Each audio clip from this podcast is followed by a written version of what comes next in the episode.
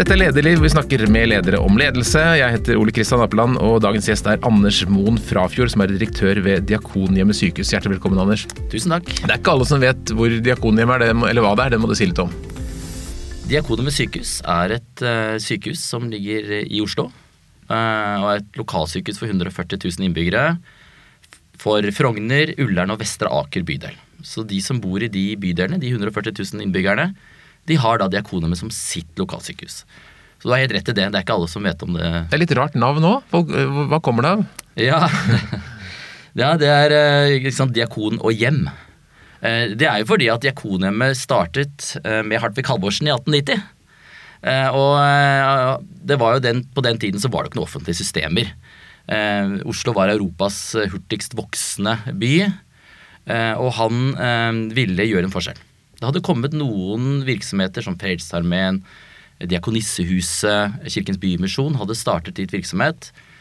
Men han ville trekke det litt lenger, for han ville også gi mannfolka mulighet til å bidra der nøden er størst.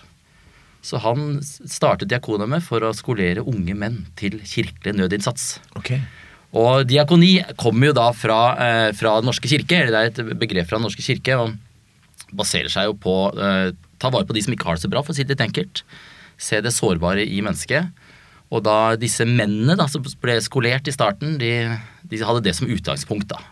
Og der kommer du da som ung mann og gjør en innsats, for du er faktisk vel en av de yngste som har blitt sykehusdirektør. Du var vel 40 år da du ble sjef der? Jeg var nok det. Bra jobba. Ja vel. Ja, det, det ble sånn. Ja. Og det, da kom jeg rekende inn og fikk muligheten. Jeg hadde jo jobbet der noen år før som økonomidirektør. Ja, for du er, du er, økonom, og du har jo vært, da tidligere både vært på Ullevål og Rikshospitalet og Aker og, og så der. Og det er jo store altså Man tenker ofte ikke på det, men det er ganske store virksomheter. Det er mye kroner som går gjennom sykehusene. Hva er omsetning på Diakonhjemmet? Ja, 2,1 milliard. Ja, så det er en stor bedrift. Ja, veldig. Eh, så, så det er faktisk et stort ansvar. Og alle de pengene vi får og vi bruker, kommer jo fra Helse Sør-Øst. Det er jo skattepenger som vi bruker. Så det, det er viktig at vi forvalter den på en skikkelig ordentlig og ryddig måte, og ikke minst sikre at vi får mest mulig ut av det. Og hvordan kom du dit? Altså, var dette barndomsdrømmen? Jeg skal bli sykehusdirektør? Aldri i verden. Nei, jeg er født og oppvokst på Bøler, så jeg var også dem som uh, lurte litt på det navnet, da. Uh, og visste ikke helt forskjellen på Lovise som er diakon med. Jeg vet jo at jeg er ikke den eneste som har slitt litt med forskjellen der.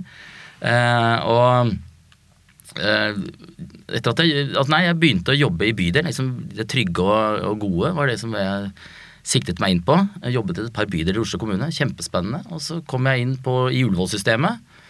Eh, og så derfra så har liksom bare ballen rullet. Og kom inn i, på Diakonen etter Jeg var med på den sammenslåingen. Jeg hadde jo jobbet på Ullevål, Riksen og Aker, som du sier, eh, i forkant. Og så var jeg med på sammenslåingen til Oslo, Oslo universitetssykehus. Og så eh, fant jeg vel ut at det å være på et sykehus som allikevel er stort, da, men som er en tiendedel av, av OUS, og med i hvert fall store motsetninger som det var på den tiden. Eh, da hadde jeg lyst til å prøve noe nytt. Så fikk jeg mulighet til å bli økonomidirektør på Diakonumet. Og, og så eh, var jeg der i noen år, og så sluttet da administrerende. Og så, så var jeg ønsket. så bra. Hadde du når, du, når du gikk da inn på sjefskontoret, hadde du noen tanker om da hvordan du ville være som leder? Absolutt. Um, og, har, og, det det er jo fascinerende å, å, bli ledet. Og lære av de som eh, er ens sjef. Og det er på godt og vondt. Så noen har jeg lært hvordan man ikke skal være leder, og andre har jeg blitt inspirert til ledelse. Og det å være leder på et sykehus er utrolig spennende. For det er så veldig mange interessenter. Eh, og eh, folk som jobber på et sykehus, er der ikke pga. sjefen sin. De er der pga. de sårbare menneskene som kommer inn og trenger eh, behandling og omsorg. Og det å være leder for dem, det mener jeg må gjøres på en, eh, på en god måte, da. Og få det med. Mm. Men er det vanskelig å ikke være lege eller syke, altså helsepersonell selv? Jeg syns jo ikke det. Eh, men jeg har nok møtt noen ganger at noen har en formening om at sjefen skal også være best på faget, altså, og da legefaget. Mm. Og eh, jeg vet ikke om det er litt, litt i kulturen, da, at man, man uh, har tradisjon for å vende seg til den over seg for å få eh, beslutningen om hvordan pasientbehandlingen endelig skal være. Eh, men eh, det, det er jeg veldig tydelig på, at, eh, og det har jeg sagt noen ganger òg. Når noen spør meg ja, men Anders, hva mener du at vi skal gjøre akkurat her, i da en pasientsak, så sier jeg at hvis det er jeg som skal bestemme hvordan det skal gjøres, så er det jo jeg som er seksjonsoverlege eller overlege, og ikke du. Og det er jo også det ledelse dreier seg om, å la de som er best på det de skal drive med, også skal kunne ta de beslutningene. Så kan jeg gjerne hjelpe til med Eh, med å rydde litt i, i problemstillinger og sånn, men eh, det er ikke om å gjøre å ta flest mulig beslutninger som toppsjef. Men du har hvor mange ansatte? 1700? Ja. ja. Hvordan vil du at de skal oppfatte deg som leder? Eh, jeg vil at de skal oppfatte meg som en samlende leder, og som hjelper dem til å se de lange linjene. Hvor er det vi skal, og ikke minst hvorfor. Det, det tenker jeg også er kanskje en av de store utfordringene vi har eh, som ledere, er at vi fort blir veldig opptatt av det veldig nære. Og hvis ikke topplederen er opptatt av eh, det langsiktige perspektivet, så blir det veldig mange humper på veien. altså. Hvis vi fokuserer på alle de små bølgene når vi er ute med båten, istedenfor det målet som er langt der borte, da vil vi også klare å håndtere de humpene på en bedre måte. Så det, det, det håper jeg at de ser at jeg bidrar til å, å ta de, de lange linjene. da. Hvordan gjør du det i praksis? Hvordan, hvordan, hvordan involverer du folk i, i, dine tanker om de lange linjene? Ja, eh, Først og fremst så er det jo ikke eh, altså det er jo, eh, Jeg er topplederen, men det er jo gjennom det lederkorpset jeg har. Eh, jeg kan godt ha allmøter, men det har jeg ganske sjelden.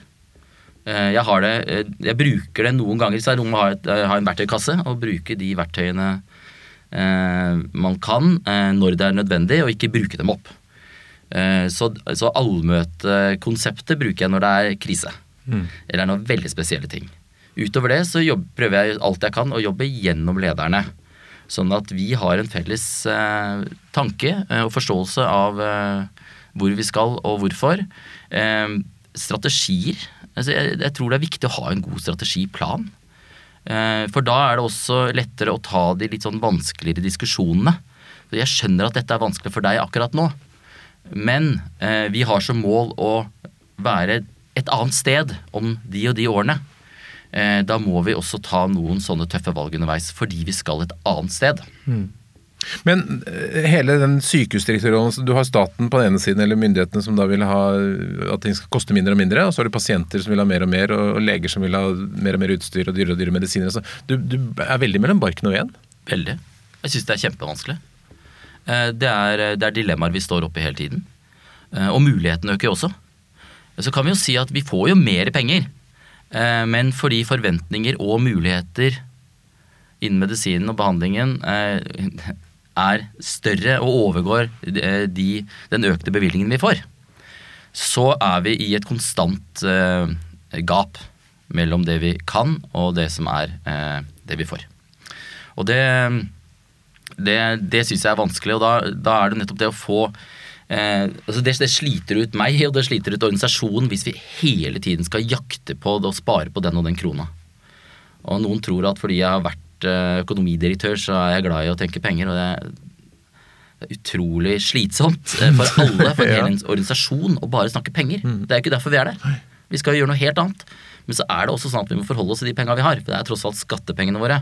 Og jeg som er leder for et sykehus som er et aksjeselskap, til og med, eid av en stiftelse. Eh, vi må i enda større grad forholde oss til det, for et offentlig helseforetak kan jo ikke gå konkurs. Det kan vi gjøre. Eh, og vi, skal jo levere på, på, de kravene og de oppdragene.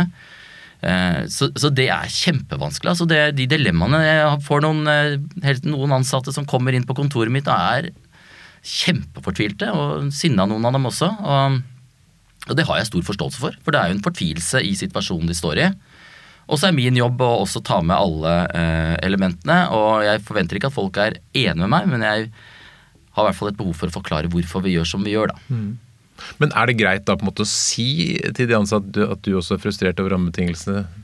Eller blir det å være illojal mot uh, de som leverer penger? Eh, jeg syns det er greit å si. Altså, er det en leder som ikke er åpen om eh, utfordringer, det, det blir ikke troverdig, tenker jeg. Eh, men samtidig så eh, Hvis ikke jeg vil forholde meg til rammebetingelser, så er det jo jeg som er et problem. Mm. og det gjelder jo egentlig alle som jobber. altså man kan, Hvis ikke man vil forholde seg til rammebetingelsene man, man er styrt under, så, så kan man jo velge å gjøre noe annet. Det gjelder meg òg. Men blir organisasjonen litt sånn immun etter hvert? For når det kommer sparepakke nummer 100, så blir man kanskje ikke Det er vanskelig å ta det helt inn over seg? Nei, det er helt, helt enig. Det, det er kjempevanskelig. Og det eh, å, tenke at jeg, jeg som leder eh, driver med endringsledelse på den og den måten, det tror jeg ikke funker. Eh, jeg er mer, mer og mer for en situasjonsbestemt ledelsestilnærming. Eh, og ja, som jeg var litt inne på i stad, du kan ikke bruke opp verktøyene i verktøykassa di. Du, du må se an hver situasjon. eh, og, og jeg kjenner nok det på trykk hos meg nå. Jeg har, holdt, jeg har hatt en veldig krevende øh, situasjon på sykehus med omstillingsbehov i noen år. Og jeg må bruke ulike virkemidler, ulike retorikker. Og jeg har trykket på kriseknappen en gang, en gang før, og det, det mener jeg at den er brukt opp. Man trykker ikke, på, trykker ikke på kriseknappen flere én gang. Da, da, igjen, da har man på et vis mislykket. Da må noen andre prøve å ta over. Det blir litt som ulv-ulv, altså. For hvis eh, altså den der eh, utsagnet om bohikan, ikke sant, 'bend over here it comes again', den er jo den blir fort slående, ikke sant. Altså, jeg er jo avhengig av å ha ansatte og ledere, da, ikke minst, som er med på det vi sier det skal faktisk gjøres. Og, men det jeg har hørt om Diakonhjemmet, at det er et sykehus med veldig bra kultur. Altså, Hvordan skapes altså, hvordan, hvordan kan du se at det er en god kultur, og hva gjør du for å skape en god kultur? Jeg må i hvert fall begynne med meg selv. Ehm, Det å snakke om hvordan andre skal ha det og være, og ikke være det selv, det tror jeg er første feil man kan gjøre. Eh, Og eh, vi, vi har et sett av egentlig ting vi gjør. Vi har definert eh, hvilken kultur vi ønsker. Eh, Vi har verdiene våre. Eh, Vi har definert hva vi skal da gjøre for å opprettholde kulturen, ikke, for, ikke minst forsterke kulturen. Og ja, jeg også hører også det, at eh, det er en god kultur på sykehuset. Både fra ansatte og fra pasienter. Og da er det egentlig to ting jeg, gjør. Det ene er Jeg møter jo alle ansatte, alle nyansatte. eh, Og forteller litt om eh, hvordan det er på Diakonhjemmet sykehus. Hva vi forventer. Både i forhold til kollegialitet og det hvordan skal forholde oss til hverandre. Vi starter bare med å kunne si hei til hverandre i gangen. Det er ikke verre enn det. Og i forhold til pasientene våre. Vi har eh, kurs i kommunikasjon til alle. Eh, også etter at de har vært på en eh, introprogrammet, så, så inviterer jeg dem til meg på kontoret etter seks måneder. Rundt seks måneder. For å sjekke ut om det jeg sier at jeg ønsker at vi skal være, om det faktisk er sånn. Sosialiseringsprosessen går sånn skremmende fort. Fra man, begynner å, fra man stiller spørsmål med hvorfor gjør vi det på den måten, til man selv begynner å forklare hvorfor man gjør det på den måten. Eh, det, den er farlig. Eh, derfor så vil jeg sjekke det ut, sånn at det, om det er ting vi kan gjøre annerledes. Og så er det da pasientperspektivet. Eh, når jeg, jeg får ganske mange hyggelige tilbakemeldinger fra pasienter. Og så mange sier at eh, det sitter noe i veggene. Og på veggene er det strie og maling. Og da blir vi alltid nysgjerrig på hva det er vi gjør som gjør at de opplever at det sitter noe i veggene. Og det er eh, Da er det egentlig ganske gjennomgående følelse av trygghet.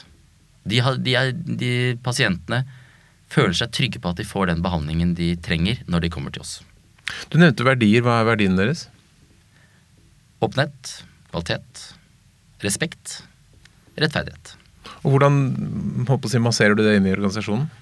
Det er en del av alt vi gjør. Når vi eh, har, eh, har akkurat hatt noe som kalles for ledelsens gjennomgang hver fjerde måned, altså hvert tertial, så har vi en, en gjennomgang av hvordan organisasjonen driver. Da sjekker vi dette ut med verdiene våre. Eh, Vi har selvfølgelig våre verdiplakater. Vi har et avvikssystem, eller et forbedringssystem som vi kaller det, som vi også kan melde avvik på, på verdier. Altså respektverdi, eh, mellom kolleger. Og at vi følger opp verdiene våre. Og, Så du bruker er- det, det er levende verktøy for det? ja, det, det, føler jeg absolutt. Og så må vi jo hele tiden minne oss selv og hverandre på at det er faktisk viktig. Det er en kjempeviktig sak. Vi, vi har jo også vi har diakonisykepleiere. Altså vi har ansatt eh, mennesker eh, som har en ekstra utdannelse og et ekstra forhold til diakoni. da, Som, liksom det, som er liksom det, det ekstra sårbare, både i, i pasienter og ansatte. Får litt ekstra tid til det. Eh, og det, det å kunne være til stede i vanskelige situasjoner. Vi har eh, sykehusdiakon, vi har noen prester. Eh, vi har noen psykologer som, som vi bruker aktivt også i refleksjoner med, med i, i kollegaer. da, Kollegaveiledning i refleksjonsgrupper. Og det, det tror jeg er kjempeviktig at vi kan være aktive knytta til verdiene våre. Alle har jo egentlig verdier. Eh, det er i hvert fall ikke mange virksomheter, jeg har vel sett noen jeg har gått inn og sjekket, som ikke har det. Men eh, poenget er jo å, å gjøre det til sitt eget, og gjøre det levende. Og ordene i seg selv er jo ikke så viktig, men det er jo hva man gjør med dem som er viktig. Hvor godt sitter eh, en kultur i en organisasjon? Altså hvor, hvor, hvor lett er det å forandre på kulturen f.eks. på Diakonhjemmet, ut fra din erfaring? Edgar Schein, eh, ledelsesteoretikeren eller organisasjonsteoretikeren, har jo sagt at enhver eh, leder eh, endrer kulturen. Mm. Men kulturen vil aldri bli endret mer enn organisasjonen tillater. Og Derfor så er det ikke noe quick fix å endre en kultur. Og Da er vi tilbake til det langsiktige. Du må ha visjonene klare. Du må tro på dem selv. Ikke sant? Du må ha en energi knytta til å ha noe du tror på selv. Og så må du ha ledere, du må rekruttere ledere som eh, er med på den reisen. Jeg kan gjerne være uenig, men at vi, vi levendegjør eh, visjonen og strategiene og dit vi skal. Og eh, hvis vi klarer det, å ha et godt lederkorps, samtidig som at vi har en åpenhet og vi, får alle til å føle seg viktig, da er jeg også ganske sikker på at vi klarer å endre kulturen. Men sånn sett fra utsiden, på, hvis man ser på sykehus Oslo, det er litt større, så virker det som det forandrer seg ting hele tiden. Da skal man bygge et hus, sykehus, skal man ikke bygge sykehus, så skal man flytte litt inntaksområder her og der. Er det et problem for deg at rammebetingelsene er i bevegelse? Ja. For det skaper jo støy. Eh, og, og vi er jo eh, Jeg tror vi alle er litt sånn iboende. Vi ønsker å ha trygghet eh, for, for virksomheten vår og det vi driver med. Så, så det tar utrolig mye energi og, og krefter av å ikke vite. Og vi har jo eh, ønsker, vi har tanker og planer og visjoner. Og eh, vi mener jo at vi eh, bør være enda viktigere for enda flere i Oslo. For Oslos innbyggere. Vi vet Oslo kommune, som vi har så enormt tett kontakt med jevnlig, også ønsker oss og ønsker å bruke oss mer. For de ser at vi, vi ønsker å være et lokalsykehus. Eh, og så tar det enormt med energi og kraft, eh, også fra myndighetenes side. Det ser vi jo. Knyttet til eh, spillet rundt For det er jo nå et, egentlig et spill, ikke sant. Det er ja, byggingen av OS. og jeg savner jo litt diskusjonen om pasienten inne i bildet her. Hva er det Oslo kommune vil? Innbyggeren. Eh, og så blir det veldig mye ja til Ullevål, ja til Gaustad, nei til Gaustad, nei til Ullevål. Det er, det er jo der diskusjonen dessverre nå blir Hvis Bent. Høie hadde ringt deg litt senere i dag og sagt du, det er så mye styr i Oslo, Anders, kan ikke du bare fikse det? Hva, vil- hva ville du gjort? Hva hadde vært den optimale måten å gjøre det på? Takk for det spørsmålet. Eh, Det er i hvert fall ikke noe quick fix. For dette, eh, dette har pågått eh, i årevis. Og det var kanskje noe av eh, erfaringen jeg hadde. Jeg jobbet først på Ullevål og Rikshospitalet før jeg begynte på Aker. Og jeg var med, litt med å snakke da om at eh, både på Ullevål og på bare vi, bare vi innlemmer Aker i de to andre sykehusene, så kommer det til å gå bra. Ikke sant? Det er masse penger på Aker. Eh, og det, det er ikke så viktig. Eh, og, så kommer jeg på Aker og så ser jeg at der har de pasientaktivitet som, som man eh, ikke nødvendigvis har på de to andre sykehusene. Har en litt annen tilnærming. Mye sterkere tilnærming til lokalsykehusfunksjonen. Eh, rehabiliteringsbiten, rus, psykisk helse, helheten i, i innbyggerens behov. Det var, eh, det var mye av det Aker sto for. Og Ullevål med den utrolig flotte tilnærming til det akutte komplekse, multitraumene. ikke? Å kunne snu seg kjapt. Hele organisasjonen var tuftet på å snu seg kjapt. Og Rikshospitalet, som jo da var eid av staten, det grundige forholdt seg til, til statsbyråkratiet. Landsfunksjoner, regionale funksjoner, med transplantasjoner. Altså veldig grundige og omstendelige. Eh, Beslutningene tok mye lengre tid. Så det var liksom tre sykehus med utrolig forskjellige kulturer. Og eh, det var ikke noe quick fix. Og der var nok kravene Jeg husker godt det var satt et krav til at vi skulle spare en milliard kroner år én. Og har man drevet litt med endringer og sammenslåinger, så vet man at det koster penger å slå sammen. Og i hvert fall når det er Vi snakker kultur her også. Mm. Og det eh, Så det, det er nesten litt sånn noen, I noen områder så er det, må man nesten rykke litt tilbake til start. Men eh, Det er definitivt ikke en quick fix. Nå har de ansatt Bjørn Atle Bjør- Bjørnbeth. Eh, Jeg tror at han eh, er en veldig bra mann til å få dette til, altså. Det blir spennende å følge med. Men du, noe helt annet. Du har korpsbakgrunn.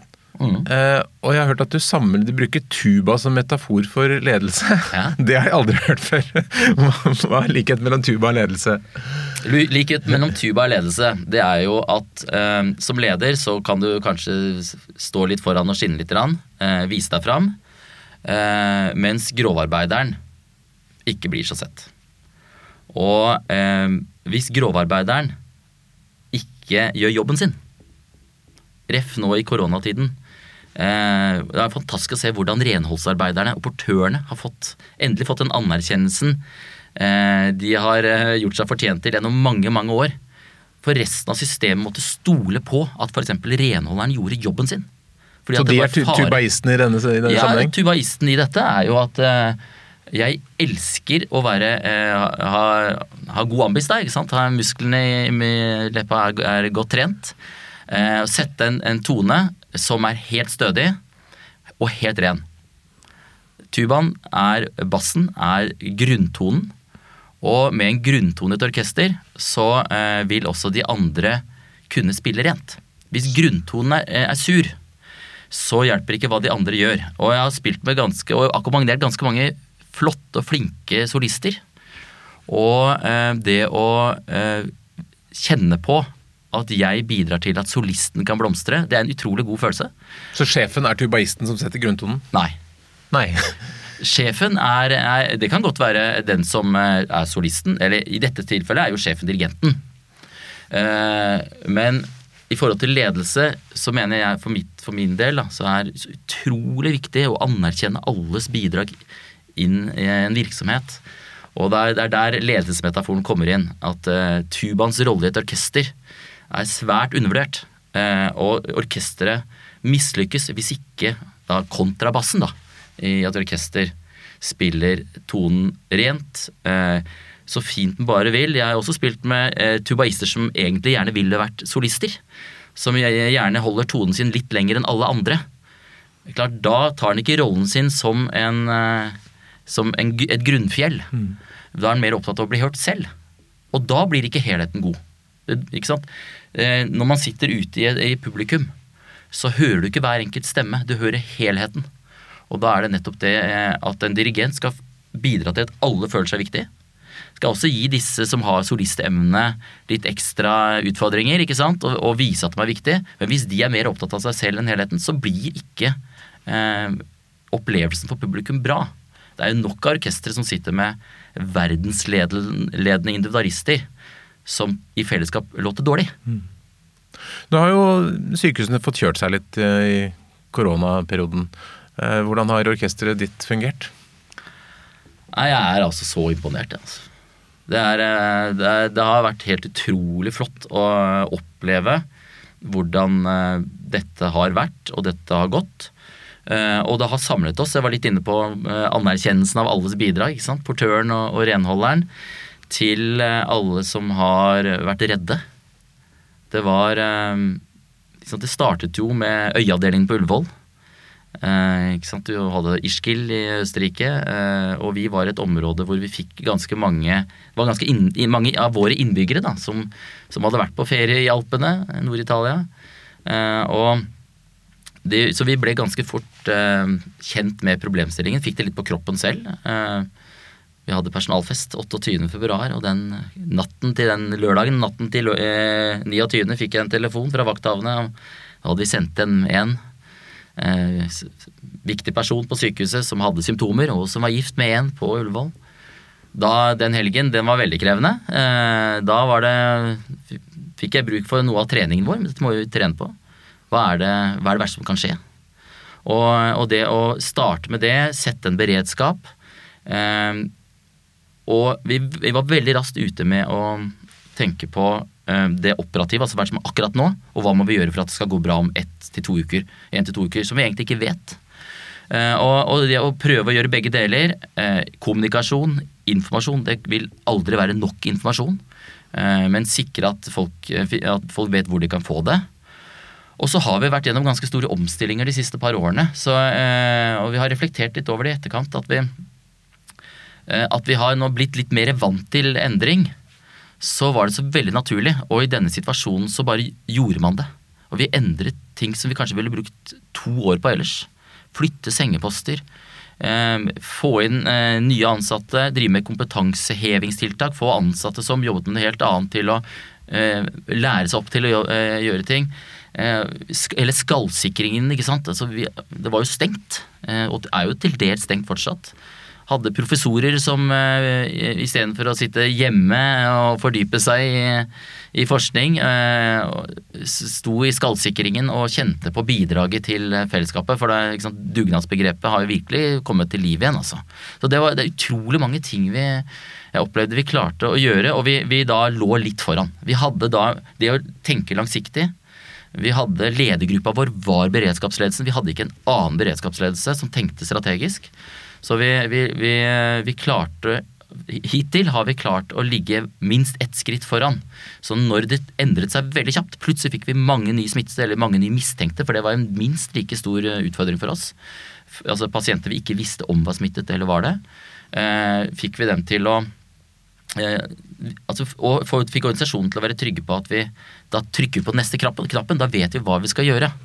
Og det var, det var utrolig godt å se. og det er, eh, nei, det er dyp av beundring altså for også ansatte eh, som var redde. Ikke sant? Var du redd? Ja. Hva var du redd for? Jeg var redd for at eh, jeg ikke skulle klare å ivareta ansvaret mitt. For ansatte og pasienter.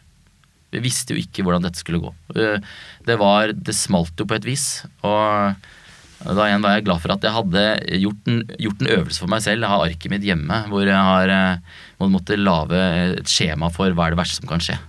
Og det, eh, den, den litt sånn klassiske massetilstrømningsberedskapsplanen. Hva gjør vi hvis det kommer masse pasienter inn? Det er relativt enkelt. Men i tillegg så skal du håndtere at ansatte blir syke. Ansatte blir vekke. Vi var på det meste 220 ansatte av da 1700 som var i karantene. Eh, frykten min kanskje noen ansatte ble syke og døde. Eh, sant? Den voldsomme frykten som ville eskalert blant de ansatte. Og, og eh, det var jo faktisk en reell problemstilling knytta til utstyr. Og, og eh, vi måtte rasjonere, sykehusene måtte rasjonere, ikke minst kommunene måtte rasjonere.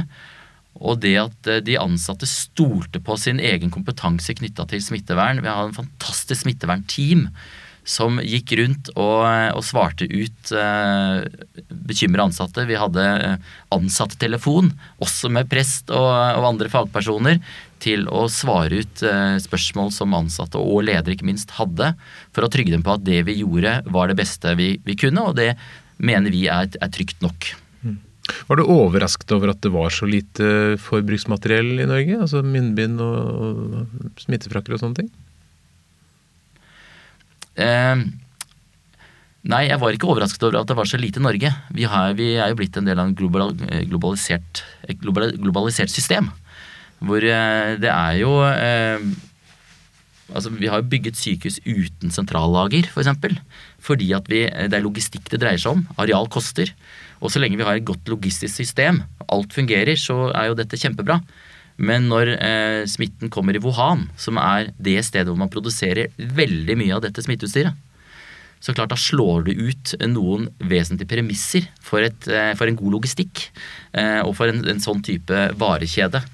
Og det Så jeg var ikke overrasket over at det var så lite i Norge, eh, men jeg var kanskje overrasket over at ikke vi hadde en, eh, et, en backup, altså internasjonalt egentlig. mm.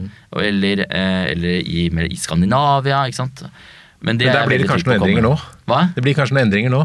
Det er jeg veldig trygg på at det Og det er bra. Ja. Har du syntes det har vært litt moro også? Ja. Og hvis du som leder ikke også trigges av utfordringer, så eh, Ja, ja, nei, det, jeg gjør i hvert fall det. Eh, eh, men jeg syns ikke det var moro i starten. Men når jeg kjente på at eh, vi, eh, vi, vi kunne diskutere som bare det, eh, og vi, vi ulike scenarioer, og vi kunne lande på ja, men da gjør vi dette. Dette er måten å gjøre det på. Tydeliggjøre ansvaret. Vi hadde lav, laget en organisasjon som jobbet spesifikt med ting.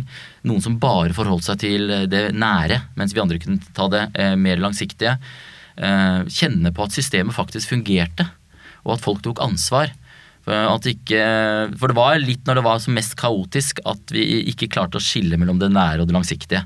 Og da kommer kaoset. Og hvis jeg som direktør skal være den som diskuterer mest eh, det som er nærmest, da risikerer vi også å ta gale beslutninger.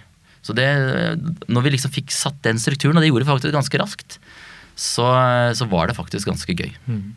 Nå har det jo stort sett gått veldig fint i hele Helse-Norge med håndtering av korona. Det er noen steder det har gått dårlig. Tenker du at det kan ha med kultur å gjøre? Uten, Nå vet jeg at du ikke jobber der, men altså, tenker du at det er en sammenheng mellom den kulturen man har skapt og hvordan man leverer i sånne situasjoner? Ja, det, jeg gjør faktisk det. Eh, pasientsikkerhetskultur er et begrep. Og det har Helse-Norge jobbet med i, i, ganske mange år nå. Jeg har et, hatt en kampanje, har et program, og etablerer pasientsikkerhetskultur og pasientsikkerhet som en sentral del av det å være leder og det å være ansatt. Og det kommer ikke av seg selv. Eh, det dreier seg om både eh, kultur for å si fra hvis noe galt skjer eh, i et team blant, blant kollegaer. Men det dreier seg også om å ha et system for å vite, altså prosedyrene på plass. Med å vite hvordan vi skal gjøre ting. Vi, bare på sykehuset hos oss hadde vi, vi tok en opptelling, vi hadde 14 forskjellige prosedyrer for sårstell. Dette er ganske mange år siden, altså. Mm. så når hver sengepost hadde hver sin Du kan tenke deg hvis det skal være en ansatt som går på forskjellige steder. Eh, da kan man ikke, man kan ikke forvente at man skal gå inn i hver enkelt prosedyre på hver enkelt sengepost. Eller sånn gjør vi det her. Vi må gjøre ting felles. Eh, og, og det å også tenke at eh, hvordan prosedyrene skal være dette er måten å gjøre det på på Diakonhjemmet sykehus, og gjerne i hele, helsen, i hele Norge også. Det, det, er veldig viktig. Og så er det å ha systemene på plass, rett og slett. Vi må vite hvor vi kan finne ting når vi er usikre. Og så må vi trene. Mm. Det dreier seg om kompetanse. Så det er Ja, jeg mener at eh, det er kultur. Eh, både for den enkelte ansatte, det, ansvar, den, det individuelle ansvaret som ligger der. Eh, I, i, i, vurdering og behandling, og da ikke minst ledelsens ansvar knytta til pasientsikkerhet. Nå er det ett ord som veldig ofte dukker opp i lederliv som vi ikke har snakket om i dag, som kanskje angår deg også. Det er jo dette med digitalisering og ny teknologi. Mm. Kommer det til å prege Diakonhjemmet? Helt klart. Og vi, vi har, syns vi har vært ganske på ganske tidlig. Vi, vi er veldig store på um, behandling av um, pasienter med revmatiske sykdommer. Uh, og um, de, de, er jo gjerne kronikere, da. Uh, og hvis ikke de får ordentlig behandling, så er, blir de utrolig plaget. Og noen må ha vært gjennom over 100 operasjoner. Uh, og de eh, ble tidligere lagt inn på sykehus. Nå har medisinene blitt så gode at man kan leve veldig gode liv med, eh, med den sykdommen. Eh, men samtidig så går det jo i bølgedaler. Og det er jeg helt sikker på mange med leddgikt f.eks. kjenner på at de har gode dager og dårlige dager. Og det å ikke nødvendigvis måtte gå til fastlegen, få en henvisning til Diakonhjemmet, og så få en time, det bedrer ikke på følelsen av trygghet eller tilliten til systemet. Så vi har jobbet også tidligere, men nå har vi fått muligheten til å få med pasientene enda sterkere grad på laget til å ha eh, avstandsoppfølging. Mm. Og Vi hadde satt i system på forhånd og, uh, tidligere, og nå har vi virkelig fått det til å svinge. Så vi er vel det sykehuset som har, uh, i hvert fall Helse Sør-Øst, som har størst andel av videokonsultasjoner og telefonkonsultasjoner i denne perioden, og dette skal vi bare bruke eh, videre. For det er en ny måte å gjøre det på. Vi hadde en liten undersøkelse hos oss også som viser at to tredjedeler av de pasientene som fikk videokonsultasjon, ønsket å fortsette med det istedenfor å komme inn. Ja, For det er ikke så stas å dra på sykehus i utgangspunktet? Eh, skal ikke eh, undervurdere noens ønske mm. om eh, å komme Eh, å se en behandler i øynene. Mm. Eh, det er det nok Men det kan du gjøre på skjerm òg. ja, så, så, så, noen syns det er veldig trygt og godt eh, og får den tilliten gjennom skjermen. Absolutt. Men det er ikke for alle. Og det må vi også anerkjenne. Men vi kan bruke det mye mer enn vi har gjort før. Og det setter vi i systemet. Og vi tenker å lage et digitalt poliklinisk senter. Altså digitalt poliklinisk senter hvor vi setter opp system, litt sånn som dere har her i studio. Mm. hvor vi da hvor leger eller behandlere da sitter der en halv dag eller en hel dag, og så har de alle fasilitetene eh, til å kunne ha alle sine konsultasjoner den dagen digitalt. For nå har det jo vært eh, eh litt spredt fordi du har hatt folk på hjemmekontoret og du har vært på mm. sykehuset. og eh, må være sikre på at bredbåndsforbindelsen er, alltid er god nok osv. Men er det veldig store penger, altså tilbake til økonomien igjen, er det mye penger å hente på å digitalisere ting i, i sykehusene? Nei, og dette er nok noe av eh, det offentlige systemets problem. Eh, finansieringen kommer etterpå. Eh, det å lage business case i det offentlige er ikke det samme som å lage et business case i det private. Betalingsvillighet, hva er det for noe når du driver et sykehus? Uh, så, uh, og, og der, uh, der, Det kjenner jeg også på en sånn, litt sånn forskjell ved å begynne å jobbe på Diakonene, som da er et ideelt sykehus, som er et aksjeselskap. Eh, som kan prøve litt, og vi kan feile litt. Liksom, det er tradisjonen vår fra 1890. Det å prøve ut, se om det er nye måter å gjøre ting på. Og det har vi faktisk gjort også innenfor digitalisering. Så vi har satt i gang. Taper masse penger på det, men vi gjør det fordi vi mener at det er rett. Og så sier vi da vil vi heller prøve å endre systemet etter at vi har satt i gang. Og det, eh, da, da, er det mulig å endre finansieringsordningen. Og så kommer vi til et spørsmål, en tid hvor eh, hvis det er sånn at myndighetene sier at nei, vi vil ikke finansiere denne formen, da må vi forholde oss til det. Og, men da er det bevis noen andre som har tatt et, en, et, en, opplyst beslutning om at nei, det skal vi ikke gjøre. Eh, men det tviler jeg på nå. Jeg er ganske trygg på at oss, altså digital, digitaliseringen også vil få en, en bedre takst enn det har vært før. Men det, Eh, det er, det, er, det er, et problem egentlig med finansieringen av det offentlige, og da kanskje spesielt eh, sykehus. at um, det, vi får jo betalt en aktivitetsbasert finansiering, sånn halvparten ca. Og det blir veldig retrospektivt. Det kommer i etterkant. Uh, og jeg syns nok man, man, i større grad skulle brukt det proaktivt og sagt at ja, dette ønsker vi å få til, dette ønsker politikerne å få til.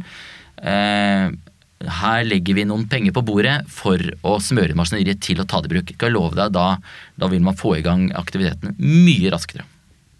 Du har en uh, viktig, krevende, ansvarsfull jobb og, og liv og helse og, og, alt det som er viktig. Hvem er det du henter råd og støtte fra, hvis du føler deg alene? Ja, uh, det er en av de tingene som har vært litt overraskende som toppleder. Det er ganske ensomt. Og du, eh, du må ordne det sjæl. Så jeg bruker mange. Eh, det er godt å være født og oppvokst på Bøler og har familien i, nærheten. Så ha familien min, og jeg kan ha barna mine, f.eks. Eh, eller jeg kan ha moren min. Kona mi. Det er ok. Og, og Spør du moren din om råd? Ja, ja, absolutt. Det er, det er, der er det gode råd å hente. Hun er leder Kjempegod leder. En av de jeg ser opp til som en av disse ledestjernene. Hun har vært leder i en barnehage. Eh, vært for så vidt kultursjef også i, i, Oslo kommune, men er som barnehageleder. Eh, hun har eh, fått blomstre, og eh, jeg vet at hun har betydd mye for veldig mange. Og det, det har jeg lært mye av henne. Og så er det jo andre jeg må snakke med. Da, Prøve å ha noen En ting er kollegaer, men har noen nettverk. Noen som kommer helt utenfra. Ehm, men det, det, er liksom litt sånn situasjonsbetinget. da. Men det, det, er nok det nære som er viktigst for meg, da. Og så fått vite at uh, når det er eh, karneval i personalbarnehagen, så stiller du som sirkusdirektør? Ja, jeg har gjort det, ja. Er det fordi at du føler at du leder et sirkus, eller hva er ja. parallellen? Nei, det er ikke det, altså. Det er uh, uh, Som leder så mener jeg at man må også gi av seg selv. Og hvis, hvis du tar deg selv for høytidelig, så slår du tilbake på deg selv. Og det, eh, det, jeg tenker at eh, det er mye lettere for meg å også være åpen om vanskelige ting, hvis jeg også kan være, eh, gi av meg selv i den type ting, da. Og, og stille opp når barnehagen eh, har karneval, ikke sant. Så, så, jeg gjør ikke det hver uke, men eh, hvis de ber om det, så stiller jeg opp på det. og eh, når vi har personalfest, så får jeg med meg mine ledere til å vise, vise oss fram eh, fra en litt annen side. Eh, og det skal jo være gøy å være på jobb. Og, og det å, å, vise at vi har det gøy, eh, enten det er i en barnehage eller med kollegaer, det gjør det også mye lettere å håndtere de vanskelige situasjonene. Og det tror jeg faktisk vi har hatt godt av nå i koronasituasjonen. Det har vært veldig alvorlig. det også vite at vi har hatt, hatt det morsomt sammen også. Bør det være en del tull og tøys på en arbeidsplass? Absolutt. Absolutt. Så skal man jo selvfølgelig Timing er viktig. Men eh, da eh, Vi må ikke være redde for at timingen er feil, sånn at vi aldri tør å tulle og tøyse. Sånn at hvis, vi, hvis eh, denne krenkbarheten vår blir så stor, da, at, eh, at alle lar seg krenke hver gang noen sier noe litt som er, er litt dumt, eh, så tør vi jo ikke å gjøre det til slutt. Og det Og det er vel særlig problemet i offentlig sektor, er det ikke det? At man er veldig redd for å gjøre feil? Jo. Eh, og, og det syns jeg er et problem, for jeg er jo Jeg er litt bekymret for heksejakten når det skjer noe galt også. Det, det skjer feil. Det har skjedd feil, det skjer feil, og det kommer til å skje feil. Og den derre eh, jaget etter å, eh, å ta noen, det syns jeg er problematisk. Så, eh, Hva blir konsekvensen av det? det gjør at vi ikke går framover. Det gjør at vi stagnerer. Og så uh, Framtida er noe helt annet. Uh, og eh, det dreier seg om endring. Sant? En kultur som er moden, som, som driver med endring. Uh, og en kultur som er redd for å gjøre feil, endrer seg ikke. Da blir vi mer opptatt av å gjøre det vi gjør i dag, uh, enda riktigere. Å gjøre tingene riktig istedenfor å gjøre de riktige tingene, det er et kjempeproblem. Så det bekymrer meg i samfunnsdebatten at, eh, at man, eh, jeg opplever at man er opptatt av den personifiseringen av, eh, av de som har gjort noe feil. Eh, vi, har, vi har definitivt gjort noen feil på sykehuset også, og, hatt, eh, og noen alvorlige feil òg. Jeg har hatt noen pårørende på kontoret som er helt fra seg, selvfølgelig, fordi at vi har gjort en feil som gjorde en ubotelig skade. Og å ha dem på kontoret og kunne gå gjennom hendelsesforløpet, beklage på vegne av sykehuset, eh, det har vært veldig ok. Og uten unntak så har jeg opplevd at eh, de ikke er opptatt av eh, å ta den enkelte. De er opptatt av systemet. Og så er de opptatt av at vi har gjort noe for at ikke det skal skje igjen. Det er, for det er de, de jeg har snakket med, så vet jeg at det er forskjeller her. Men jeg, jeg, jeg er bekymret hvis vi skal få et amerikanisert samfunn hvor eh, advokaten står på utsiden av akuttmottaket med visittkortet sitt og, og spør om det er noe de har å klage på som de kan hjelpe dem med å få en erstatning for. Altså. Og vi, vi har heldigvis et system som, som ikke er der. Heldigvis langt derifra. Vi får håpe at det fortsetter. Helt til slutt, Anders. Hvis det kommer en ung person til deg og sier jeg vil gjerne bli en god leder, kanskje en ungdom, hvilke tre råd vil du gi for at eh, vedkommende Hva skal man gjøre for å bli en god leder? Tre råd.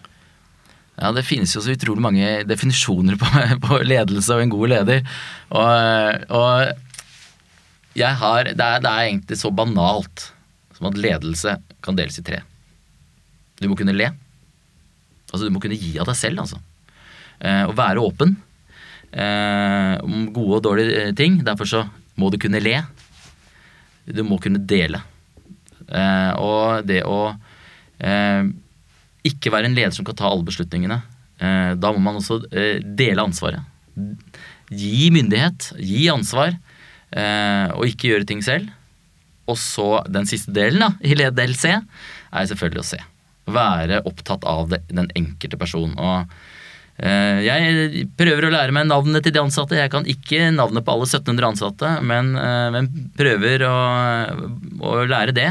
Eh, sier hei til alle ansatte. Eh, og det å, å, å være oppmerksom og se den enkelte For det er, da er vi tilbake til Tubans metafor, vet du. At eh, hvis alle føler at de gjør en viktig jobb, så gjør, fører det til totalt sett at pasienten får det enda bedre.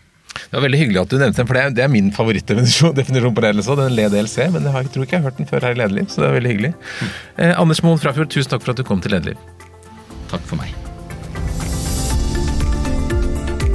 Lederliv er en podkast fra kommunikasjonsbyrået Apeland. Eh, De som er i redaksjonen er Ellen Paulsen, Lars Jarle Melum, Lars Volden og meg, Ole Kristian Apeland. Og vi kommer hver uke med nysending på fredager. Hvis du har en eh, idé eller tips eller innspill til oss, så finner du mailadressen vår på lederliv.no.